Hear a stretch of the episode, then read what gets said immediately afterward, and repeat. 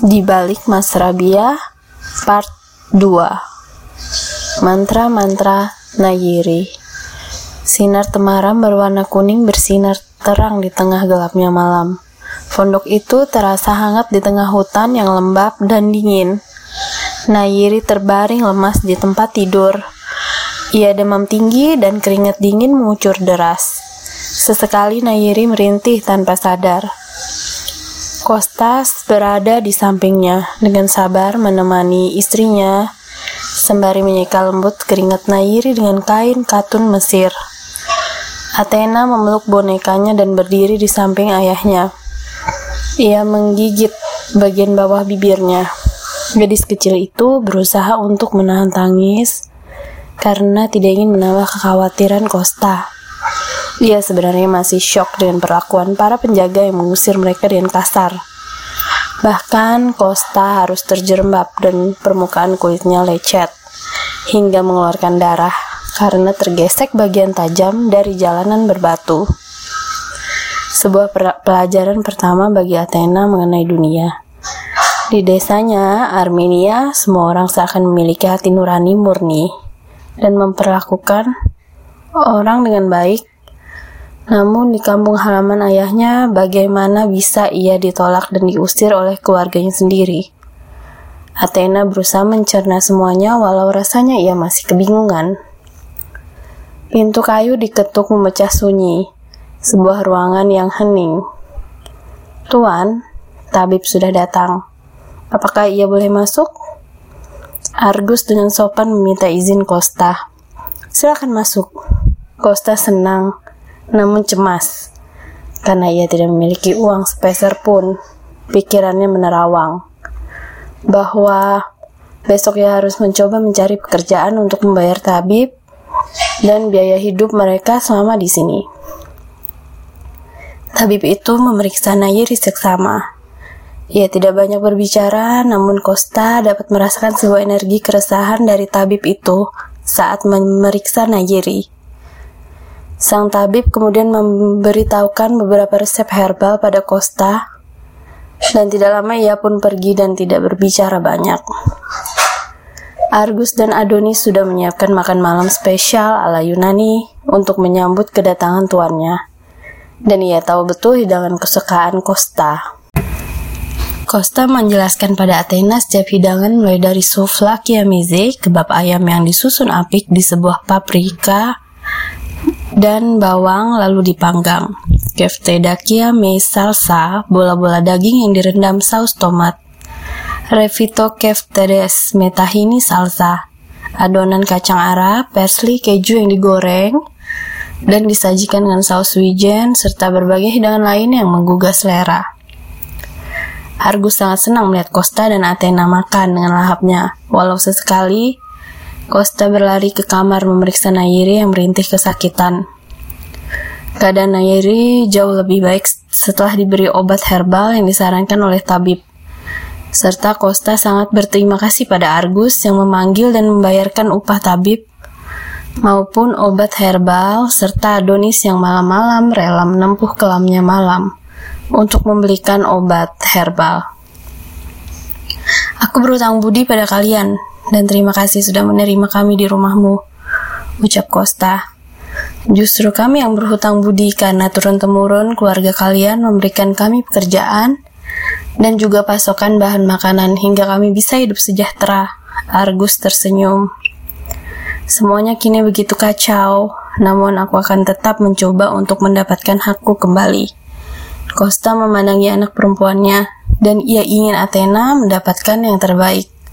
Walaupun hal itu tidak mungkin terwujud dalam waktu singkat. Selain kendala biaya serta waktu yang tidak singkat untuk mematahkan putusan final dari pengadilan, Costa tertunduk lesu.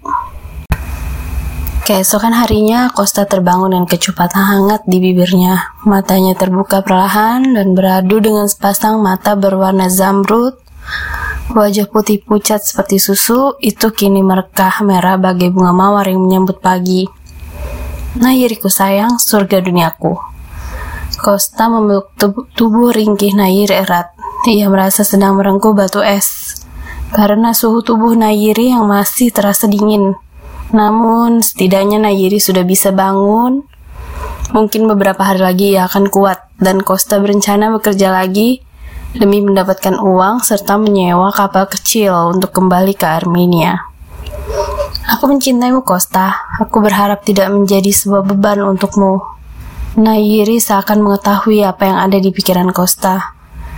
Sama sekali tidak Nayiri, kau bukanlah beban melainkan hartaku yang paling berharga.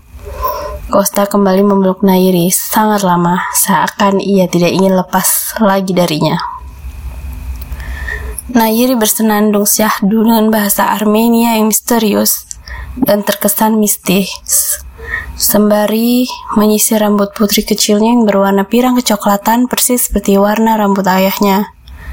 Athena Jagalah selalu ayahmu, patuhlah padanya, jangan membantah dan buatlah ia bahagia.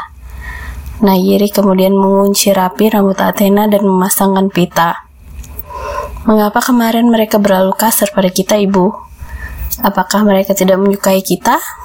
Athena akhirnya mengutarakan kegundahan hatinya yang sebelumnya ia tahan. Nayiri mengambil sebuah koin dari hiasan bajunya dan mengangkatnya ke atas, sehingga keduanya fokus pada koin tersebut. Anak-anakku Athena, lihatlah koin bundar ini. Anggap saja koin ini adalah sebuah dunia yang memiliki dua sisi, sisi baik dan juga buruk. Hal inilah yang menyeimbangkan dunia. Sisi baik membuatmu bersyukur dan sisi buruk membuatmu belajar serta lebih kuat untuk menghadapi kehidupan. Nayiri mengusap lembut rambut putrinya. Aku tidak ingin bertemu orang buruk, Ibu. Athena berkata polos. Nayiri dan lembut memegang dagu anaknya. Anakku, apakah kau tidak ingin belajar dan menjadi kuat? Tenanglah, suatu saat kau akan diperebutkan oleh orang-orang penting, bahkan seorang raja akan memuliakanmu dan menangisi kepergianmu. Athena masih kebingungan dan perkataan ibunya yang masih di luar nalarnya. Tetapi Athena memiliki daya ingat yang baik dan ia mengingat setiap perkataan ibunya. Nayiri memandang anaknya yang berlari, mundar mandir mengejar para kucing, sembari memeluk bonekanya. Mulutnya penuh doa-doa untuk Costa dan anaknya. Ia memandang Athena dengan sedih dengan segenap kekuatan yang ia miliki ia beranjak hanya untuk mencium Athena. Athena, ingatlah, jaga baik-baik ayahmu. Patuhlah padanya dan buat ia selalu bahagia. Ia memeluk anaknya erat dalam waktu lama dan minum obat herbal dari dokter lalu Nagiri, kemudian tertidur dengan tenang. Sementara Athena masih bermain dengan kucing-kucing peliharaan Argus yang sebagian manja. Beberapa sangat galak dan tidak ingin disentuh.